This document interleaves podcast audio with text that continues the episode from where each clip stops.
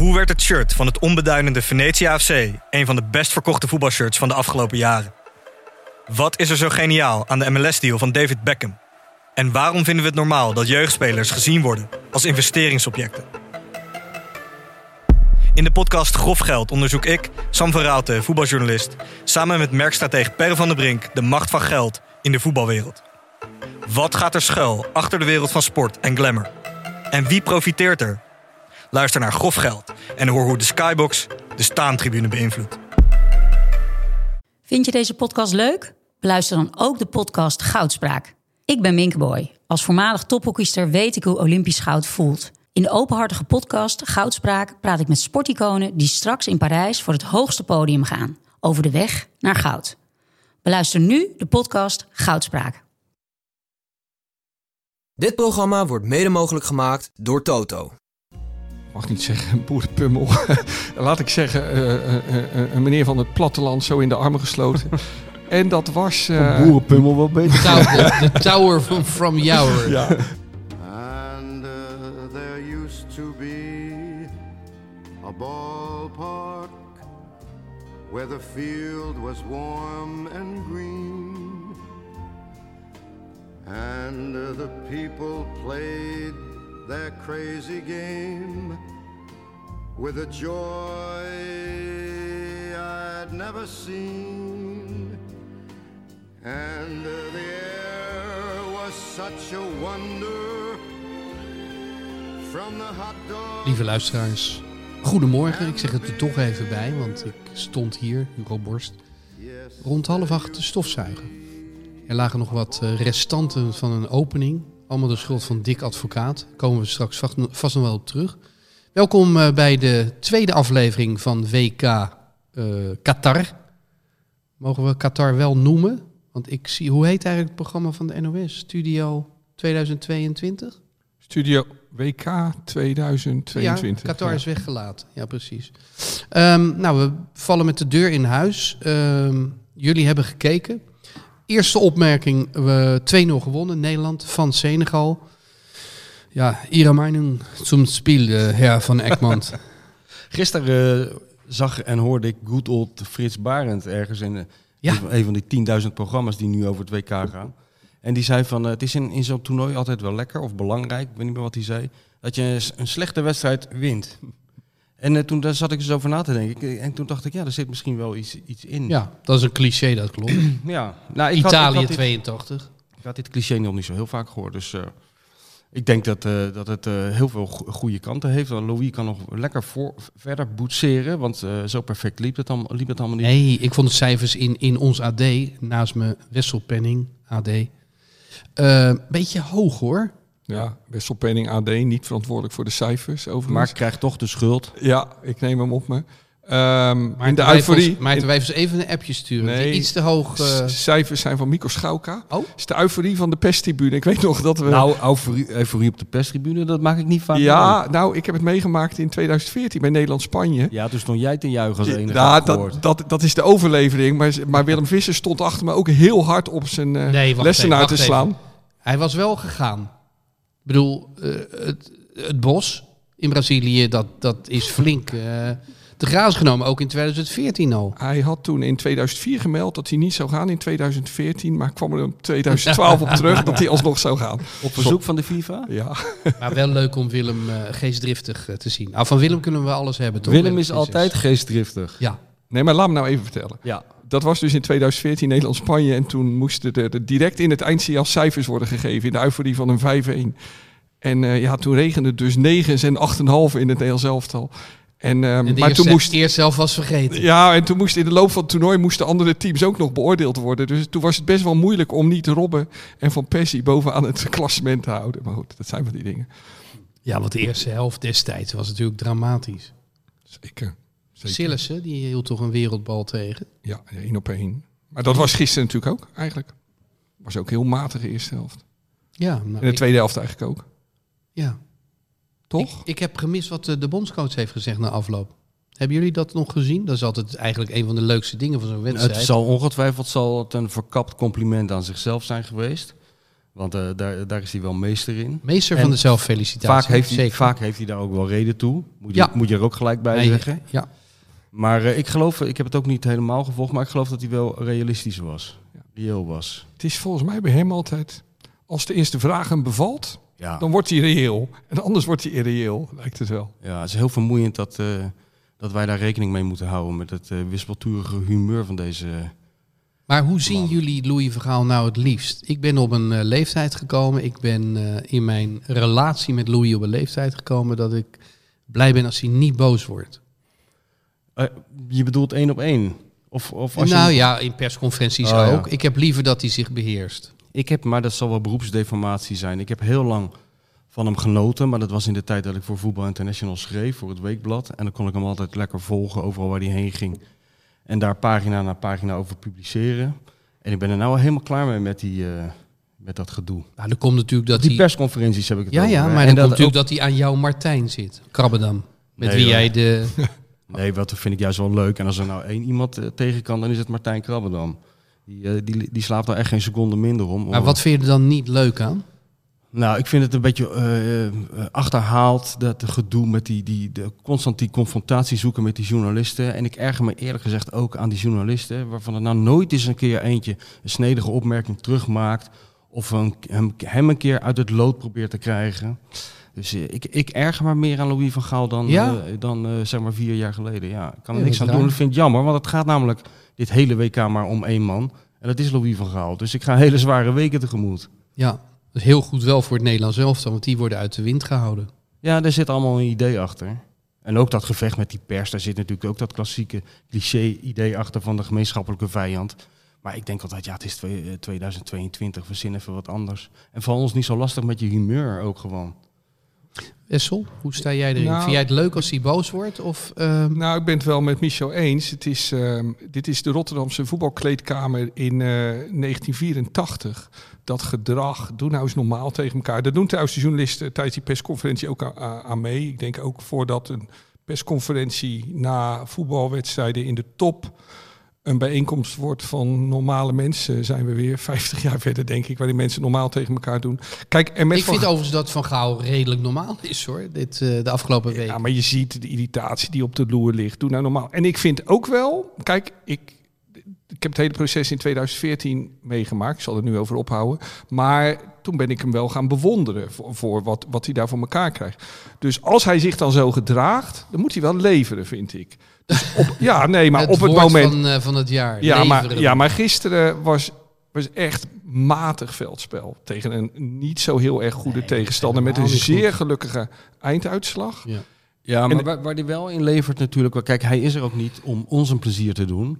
Hij is er natuurlijk om, de, om de, een team te maken van het Nederlands elftal. En op de een of andere manier lijkt hem dat wel te lukken. Dat moet ik wel toegeven, want dat is natuurlijk heel knap. Het is volgens mij de oudste bondscoach op het toernooi. Ja. Maar die, die jonge gasten lopen weer met hem weg. Ik zie hem met die Virgil van Dijk. Nou, ze staan nog net niet te tongzoenen op dat veld, maar het scheelt verdomd weinig. Dat is toch zeldzaam. Eigenlijk heeft hij alleen over, overhoop gelegen met wat Brazilianen in zijn leven. ja, En, en voor de rest houdt iedereen, elke speler die met hem heeft gewerkt, houdt van hem. ja, dat En de vrouwen van die spelers en de kinderen van die spelers. ja, Dat is toch wel knap hoor. het is heel knap en het is heel Zonder te slijmen hè. Ja, Het is geen slijmbal, Louis van Gaal. Ik vind het wel wonderlijk in die, in die documentaire, die toch een uur of drie was volgens mij, die over hem ging, die film. Het voelde als drie uur. Ja, Louis vond het nog een beetje kort, denk ik. ja. maar, maar daar, daar, heb ik, da- daar vond ik hem eigenlijk pas op zijn best in het ziekenhuis, waar hij echt een kwetsbare kant liet zien. En ik vond het zo opvallend. Ik dacht, in een lange documentaire ga je ook wel af en toe zien waarom die spelers zo van hem houden. Los van zijn kwaliteiten als, eh, als voetbalcoach natuurlijk. Maar dat heb ik nog steeds niet gezien. Dus het is, het is denk ik toch een soort... Ja, ik had vroeger ook zo'n hele vervelende leraar Engels, maar die toch op een bepaalde manier soms zulke grappige dingen zei dat je hem dat toch wel iemand is die eh, zo'n leraar die je hele leven in je hart met je meedraagt. Zoiets is het misschien. Ja, Nee. grappige dingen. Dat, eh, ik, moest, ik moest zelf gisteren heel hard lachen toen Noppert zei van, over Van Gaal van we hebben hetzelfde gevoel voor humor.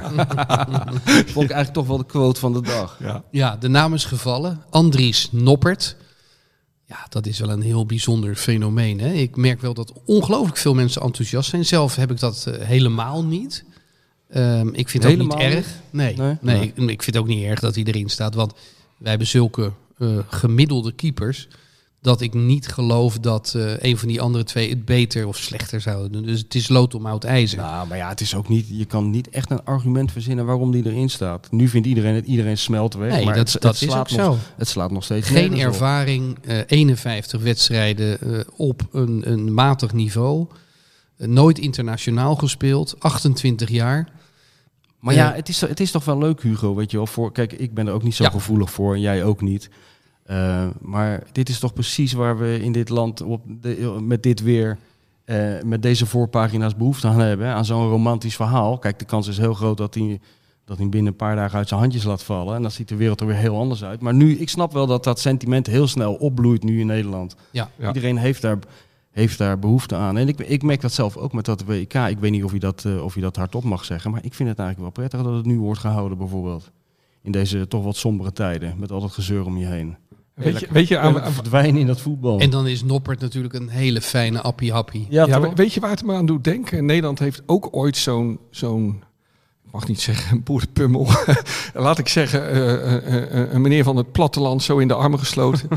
en dat was... eh, boerenpummel wel beter. Tower, de Tower van From Jouwer. Ja, midden jaren negentig, dat was Erik Hulzenbos. Daar doet me dit een beetje aan denken. ja, dat was ja. ook zo'n darling, waar iedereen dol van was.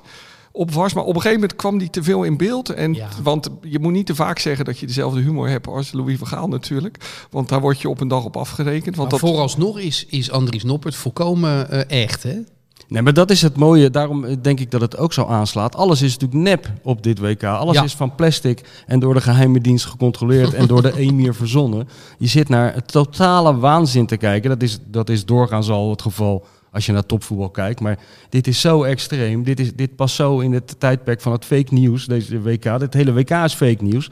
En er zit er opeens een boerenpummel, zoals, zoals Wessel dat zegt zit ertussen. En die, en die, is, die, die flitst je opeens terug naar 20 jaar terug toen er nog niks aan de hand was. En die staat daar gewoon te keepen alsof hij bij, eh, in een weiland staat, inderdaad. Maar goed, we weten wel hoe het eindigt. Ik heb het vergeleken met de Deer Hunter. Het einde van de Deer Hunter. De, de, de Ja. spoiler. eh, ik wacht even drie seconden. Hij schiet zich voor zijn kop.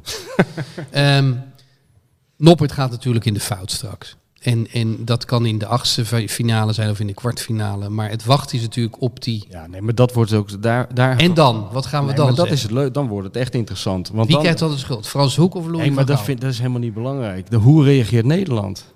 Dus al die mensen die nu wegsmelten, de eerste mensen gaan zich bij Tattoo Bob melden voor de eerste nopper tatoeage. Ik En dan dat opeens alle, ik denk dat alle vlaggen weer andersom worden gehangen. dan hangen ze weer, dan hangen ze weer goed.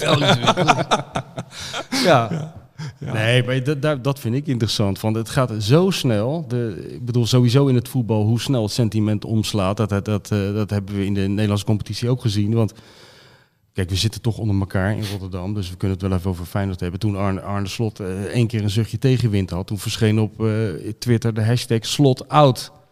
Dus het gaat zo snel. Dus ik ben ook benieuwd hoe snel dit zou gaan met Noppert. Als die straks... eh, als het mis zou gaan. Ik hoop het niet hoor voor die jongen. Maar... Hoe eindigt het, eh Wessel? Ja, ik denk dat die... Dat, Jij hebt dat, de tering in dat bijlo er niet in staan. Mm, Ja, maar ik kan wel een beetje de, de- het mooie van het jongensboek, sorry voor het cliché, van, van Noppert. eh, dat, dat, dat- nou, ik vind dat eigenlijk wel mooi. En die jongen heeft vooralsnog niks irritants, behalve wat ik zei, niet te vaak zeggen dat je dezelfde humor hebt als Louis van Gaal. Maar ehm, ik denk, als we zo spelen als dit, gaan we er met een foutloze Noppert in de achtste finale of kwartfinale uit. Dus het zou best kunnen. Kijk, die drie ballen van gisteren, die pakte die goed. Maar die had hij ook alle drie moeten pakken. En ik denk eigenlijk dat Bijlo en, en Sillissen... Westerveld had kritiek op de, hè, de, de Ja. outkeeper van ook het Nederlands elftal. Ja, Eh, Ja, hij heeft Nederlands elftal gehaald, toch? ja Westerveld? Ja, zeker, zeker. Eh, die zei dat die bal, eh, die, waar die voor zich enorm moest strekken, en dat, dat lukt natuurlijk met 2 meter 3, dat hij daar gepositioneerd niet goed stond. Nee, te veel naar het midden. Ik, ik vind keeper dat vind ik een vak. En daar heeft trouwens in dit land maar één iemand verstand van. Dat is eh, Frans Hoek. minister Frans Hoek. Fans Corner. Ja, maar ehm, ik, ik begreep dus wel vrij gauw dat hij te veel naar het midden stond bij die bal. En die bal was natuurlijk best van ver en zo en alles. Oh, maar En jij het- bent dus niet optimistisch. Jij zegt we gaan er in de achtste finale uit. Nou, het lijkt, het, het lijkt een beetje te veel op het EK, vind ik. Van, volgens mij was dat vorig jaar Frank nog toch? In 2021. Ja, toen je ook met vrijmatig spel. En toen dachten we, oh, Tsjechië, achtste finales. Dat moet, eh, of kwartfinale, ik weet niet meer wat het was. Dat moet wel lukken. En nu kom je dan de VS tegen of Wales. En dat is, ja, je zal beter moeten gaan voetballen. En aan de keeper lag het gisteren natuurlijk niet. Het lag aan het veldspel natuurlijk, wat niet goed was. Het rare is dat Noppert eh, van, eh, van eh, alle spelers van het Nederlands elftal het meest zeker is eh, dat hij de volgende wedstrijd speelt ongeveer. Hè? Ja. Want Louis heeft toch wel aangekondigd dat hij veel gaat, eh, gaat, gaat switchen. Maar hij lijkt er wel gewoon in te staan. Ook grappig. Ja. Jongens, wat vinden jullie ervan dat we de komende drie dagen vanuit Rotterdam uitzenden? Bobby! Nee, ik denk voor de Amsterdamse luisteraars dat- ze er even bij blijven. Af en toe moet je gewoon even Bobby Robbie is genoemd. Ja. Zijn er nog andere Amsterdamse... Nou, wat vinden jullie trouwens van eh, ja, geweldig. het werk van Arie Schippers van de Arena? Ja, de, de, de sloop van de arena. Nee, dit is, de bouw, lul. Oh de, oh, de bouw van de arena is het. Het 1995. is wel mooi, het lijkt op het Colosseum zo, hè? Het is heel mooi. Het is, eh, hij heeft 30 werken gemaakt. En eh, nou, hier hangen er drie.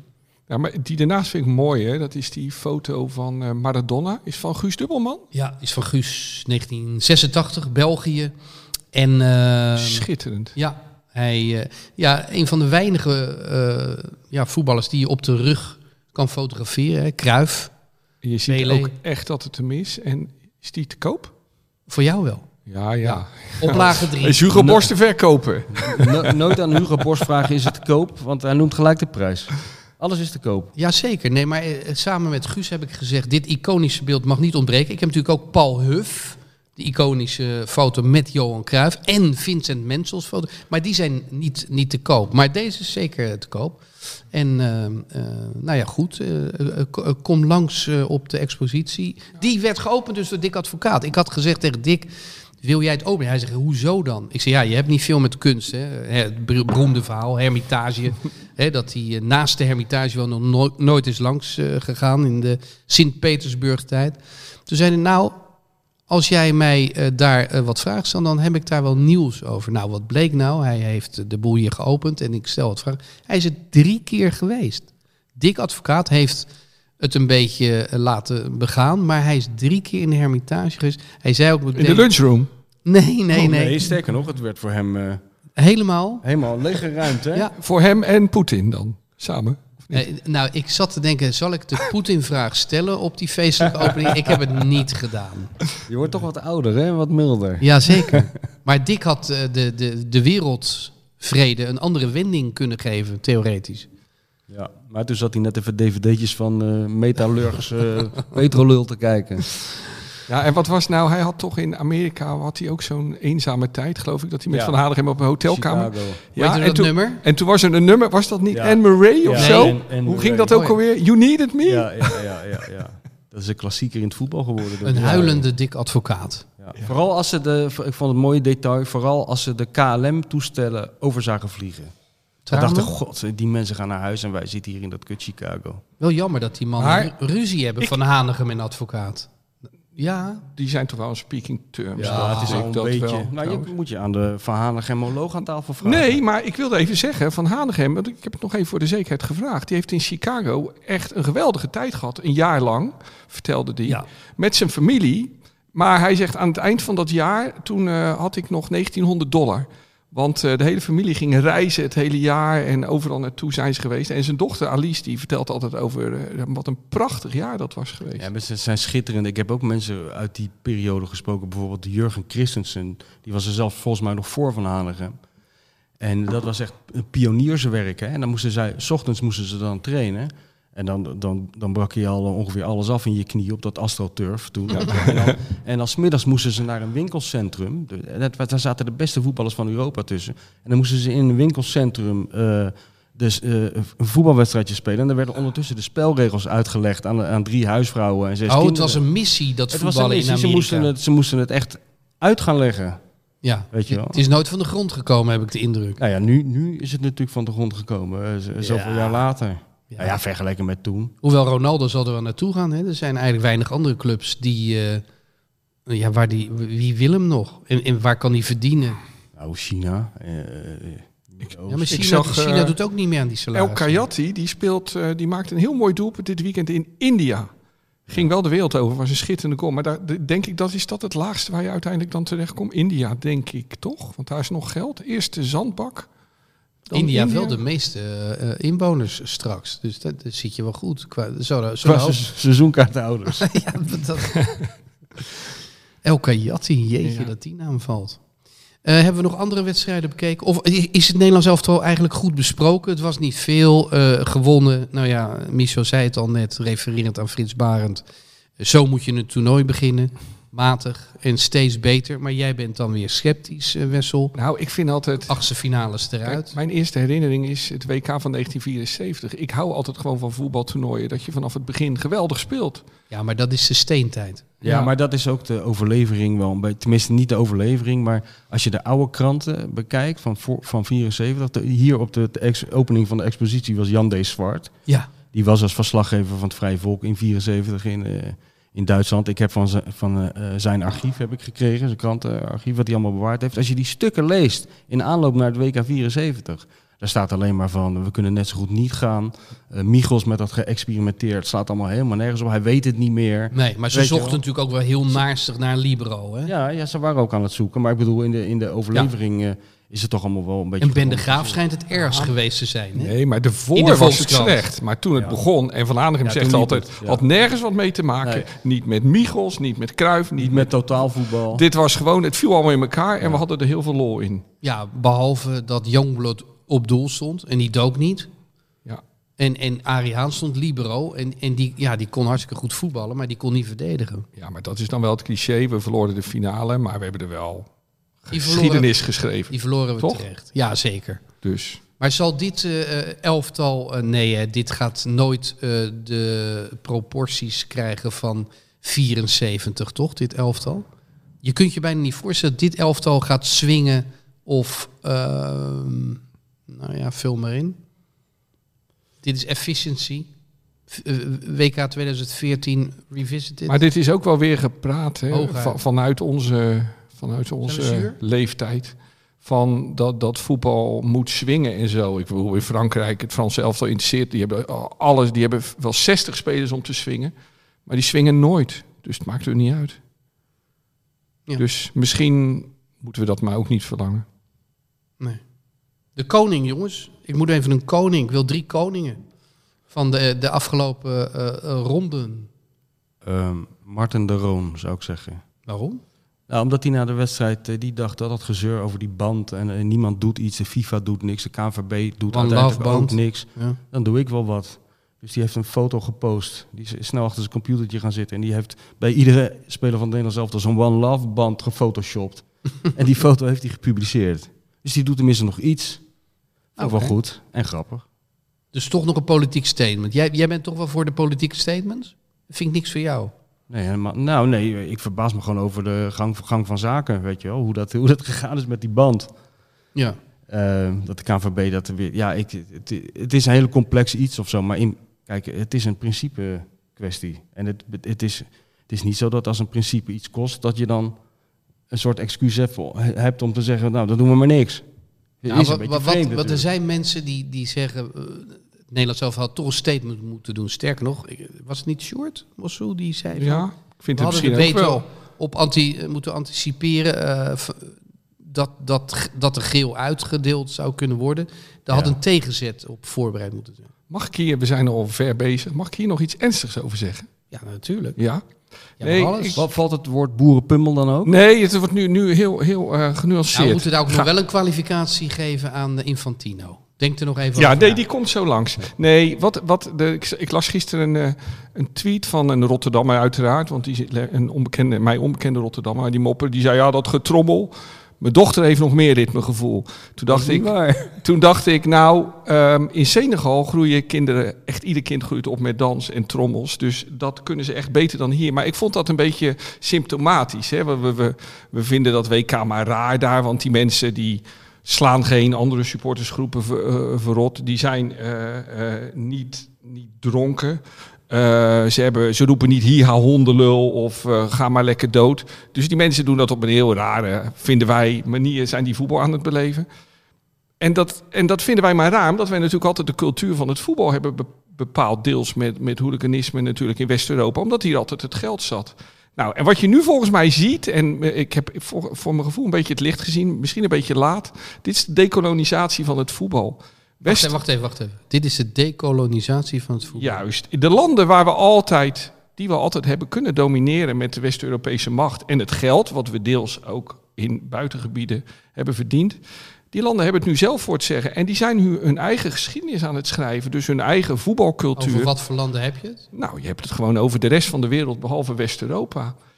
En dat heeft de FIFA heel slim tijdig doorgehad. Die weten waar nu het geld zit. Dus, dus WK's komen er voortaan eh, in Qatar. eh, nou, in Egypte, persoonlijk nog wel leuk zou Maar vinden. zegt het op een manier dat je ehm, meent dat arrogantie is afgestraft. En nu is het even tijd voor eh, andere voetballanden. Nou, dat arrogantie wordt je afgestraft. zit een vind- beetje op de lijn Infantino. Ja, nou nee, want het, het, het nadeel van het geheel is natuurlijk dus dat je dus een toernooi gaat krijgen over acht jaar, wat echt in de race is om het te krijgen in Saoedi-Arabië. Nou, dat is natuurlijk al heel ernstig. Maar zo'n FIFA, zo'n Infantino voorop, die zijn machtsbasis dankt in eerste instantie aan West-Europa, die snapt nu ook wel waar, waar de macht ligt bij de FIFA. Die ligt natuurlijk in alle andere landen. En daar hebben ze helemaal geen zin in geleuter over, over eh 20e eeuws eh, voortgangsdenken met, met emancipatie van homo's en dergelijke. Dus zo'n One Love armband, ja, daar zitten ze echt in, in, in, in religieuze landen niet op te wachten. En in meer conservatieve landen dan het zo verlichte West-Europa. Dus ja, en daar, nou ja, nu zitten wij dus met de brokken. En dat is vervelend, maar daar moeten we dan maar mee leren leven. We hebben ook de Eredivisie nog. Zo. Michel? al- Dat is al... eh, Hij heeft er ook goed over nagedacht, Vessel. ja. Maar eh, we laten het even bezinken. Maar jouw eerste reactie? Nou, ik ben het wel met Want Wessel- Wessel is het eigenlijk mee eens. Nee, maar ik snap wel dat eh, ik snap wel een beetje wat je zegt, maar daar ligt ook mijn irritatie helemaal niet dat dat zo'n one love band daar niet serieus wordt genomen. Dat snap ik zelf ook wel. Maar wat mij veel meer irriteert is dat je gewoon ziet dat de KNVB en eigenlijk wij als voetballiefhebbers more or less in de maling worden genomen eigenlijk. Tenminste, ik zie het van eh, het staat 1-0 voor Qatar en de FIFA. Ja. Dat zie, ik, dat zie ik bijna als één, weet je wel. En het is zo. Het heeft ook zo weinig met voetbal te maken om, om, een, om aanvoerders van een elftal een paar uur voor een wedstrijd van een, van een WK lastig te vallen met dit gedoe. Zo'n minachting voor waar die spelers mee Sport. bezig Ja, en, waar, en ook waar die spelers mee bezig zijn. Terwijl zij zijn er voor het voetbal, weet je wel, zou je zeggen. Dat, dat irriteert mij veel meer. Dat, dat, Maar dit is machtsstrijd- ingegeven door Infantino, die heel graag zich wil vestigen voortaan met de FIFA, heb ik begrepen. Of in ieder geval een flinke dependance opzetten in, in Doha, Qatar. Hij Ja, woont dat, er al, Dat is wat Wessel zegt eigenlijk. Ja. Het is- Ja. Maar ze volgen het geld. We hebben verloren. We, we, gaan, we hebben staan 1-0 achter, maar we gaan dik verliezen. En ik denk dat we daaraan moeten wennen. En het was natuurlijk vroeger ook niet een heel Ik zeg, reële eh, ik zeg situatie. afsplitsen. Ja, zo, zoals boksbonden, hè? dat je dan van zo'n nieuwe Ja. dan gaat, Ja, zoals Aad je- Veerman Ja, dan een nieuwe boksbond Ja, dat waren van die krokettenbonden waren dat. Ja, dat is een goed woord. ja. Goed woord, ja. Nee, maar dan heb Een je... de- Conference League. Afs- afsplitsen kan wel, maar dan heb je dus solidariteit nodig. Terwijl eh, nu met die, eh, die zes of zeven landen eh, die met een gele kaart werden be- bedreigd, die hadden zich nu ook even met elkaar kunnen bellen en solidair kunnen zijn. En als ze met z'n zeven hadden gezegd, we, we komen niet, of weet ik van wat, dan was er misschien wel iets Ja, gebeurd. maar dat die- spel, dat, dat, beheersen, dat beheersen we dan niet, want dan is er angst. Want we willen wereldkampioen worden. Daarom. De, de- Maar misschien komt er nog een zet straks. Nee, maar ook in die landen zit het oliegeld natuurlijk al volop. Hè? Alle, allerlei clubs daar. En het is wachten op het moment dat, dat het oliege- met de oliegeld een Nederlandse club wordt overgenomen. Dus wij hebben mooie jaren meegemaakt. Kom op Wessel, we hebben een loppert joh, laten we daar lekker aan denken. Kan ons dat oliegeld scheuren? Even een gewetensvraag. Als Feyenoord met uh, Qatarees eh, geld eh, zou worden gekocht. Goed? Eh, voordat Arne Slot hier aan de macht was gekomen, had ik gezegd: laat maar komen. Nu zeg ik: laten we Slot tot Sheik eh, uitroepen. Emir Slot. Op- Emir Slot. Opportunist. Eh, jongens, ehm, we gaan even voorspellen. Weet je wat? Er zijn vandaag drie wedstrijden. Argentinië, Saoedi-Arabië, Denemarken, Tunesië. Om vijf uur Mexico, Polen en Frankrijk-Australië om acht uur. Wat is de leukste wedstrijd? Denemarken-Tunesië om twee uur. Zeg het maar, eh, Michel. Denemarken, Tunesië. Nou, ondanks het feit dat ik me ontzettend lang in de Tunesische Ga jij er naar kijken? Nee, dan ga ik denk ik om twee uur. En moet je kijken, man, om elf uur. Ik zit nu al hier. Ja, maar we gaan tijd wel- ervoor doen. Dan moet ik straks als een speer die hond eraan uitlaten. En dan ga ik dus om elf uur voor die tv zitten. En dan ben ik Dizzy. een keer om tien uur klaar. Ja, want voor de goede die- orde, die- Dizzy is ook in Wijsbart. Dizzy is ook in Wijsbaar. Dizzy is overal waar ik ben. Want mijn vrouw is aan het werk, zoals het hoort. En jij, jij denkt dat ik zo'n apparaat heb staan dat ik er een pak papier in gooi, op een knop druk en die bestseller die rolt eruit. Maar zo is het natuurlijk niet. Nee, je hebt hard aan gewerkt. Ja, dus Wat is Denemarken, het aantal Tunesië. verkopen eigenlijk geweest? Nou, hij ligt nog in de winkel. We zijn nog druk bezig. Het moet Ja? nog eh, Sinterklaas worden. Oh, Hallo luisteraars, het moet nog Sinterklaas worden. Eh, er ligt een heel goed boek eh, van Michel van Egmond. Eh, hoe heet het ook alweer? Trouwens, er ligt ook een heel goed boek van Hugo Borst ernaast. nee, dat is een heruitgave. Ja. Ja, maar dat moet je er nooit bij zeggen. Denemarken, Er staat wel een heel goed voorwoord in trouwens, Ja. maar daar hebben we het al eens over gehad. Ja. Denemarken-Tunesië. Dat, eh, ja, weer 2-0 voor Denemarken. Het slaat allemaal nergens op, maar goed. Je mag ook een andere wedstrijd Ja, ik moet opeens dank- denken aan Marco van Basten gisteren, die als analist bij, eh, bij de NOS zat, bij de wedstrijd Amerika-Wales. En eh, ja, wie is nou de beste speler van Amerika? En ik weet zeker dat hij niemand wist te noemen. En toen zei hij, ja, die ene, die ene. Ja, toen zei die, iemand zei Pulisic. Ja, Pulisic, dat is geloof ik wel een goede voetballer. En wat maakt hem dan zo goed, werd er gevraagd. En toen zei Van Basten, dat is wel heel erg natuurlijk, want analisten moeten zich toch wel een beetje gaan voorbereiden, behalve wij dan, want dat zijn wij niet. Ehm, en toen zei Van Basten, ja, hij is comfortabel aan de bal. Ja, ja. Dus dat was de omschrijving van Van Basten van Pulisic. Dus ja, Denemarken-Tunesië voor wat het waard is, 2-2. Nee joh, Denemarken is een dark horse. Die, die gaan heel ver komen. Pas op, of ik ga je Tot- overhagen wie er in de- Nee. op het middenveld daar spelen hoor. Eh, ik zou het niet weten. Tot afgrijzen overigens van Infantine. Want Denemarken hoort natuurlijk ook tot die linkse, linkse clan. Oké, en Tunesië waarschijnlijk niet. Hoewel die wel wat eh, linkse regimes hebben gehad in het verleden. 3-1 Doe eens eventjes, voor Denemarken dan. eventjes een Willem Engel eh, vraag. Denk je dat er nog een complottheorie is te ontvouwen... dat een van die landen die heel erg linksig is... Denemarken, Engeland, Nederland, noem maar op... dat die een rotscheidsrechter krijgen... en als erop Ja. aankomt tegen... Daar gaan we naar op zoek. Ja? Zal gaan we op zoek? eh, tuurlijk. Gaan we opletten? Nou, dan is dat de boodschap eh, voor Dit- eh, de komende dagen. Ja, maar dit is ook een WK voor, voor complottheorieën. Ja, hè, natuurlijk. eigenlijk Het is heerlijk. Al die mensen kunnen van Willem Engel, die is nu opgeborgen bijna. Nee joh, En dan 180 kunnen uur. En dan kunnen, ze, dan kunnen ze nu door met, met die gekkigheid bij het WK.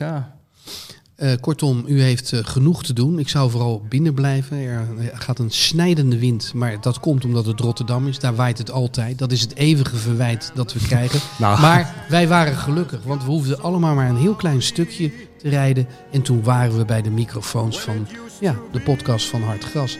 Dat zijn we morgen weer. Pelle, wat zeg je? Mijn uitslag. Oké, dan zeg ik eh, Frankrijk-Australië. 6-0. Drie keer Brobby. Dank voor het luisteren en eh, tot morgen. De feestdagen komen eraan. De tijd van de cadeaus is aangebroken. Neem een probeerabonnement op Hartgras. Twee nummers voor 17,50. Neem een jaarabonnement op Hartgras. Dat kost slechts 41,50 voor zes nummers. En je kan ook nog eens een keer een digitaal abonnement nemen voor 25 euro per jaar. Het hele gezin kan mee profiteren. Ga naar hartgras.nl en druk op één knop en je bent abonnee. Dit programma werd mede mogelijk gemaakt door Toto.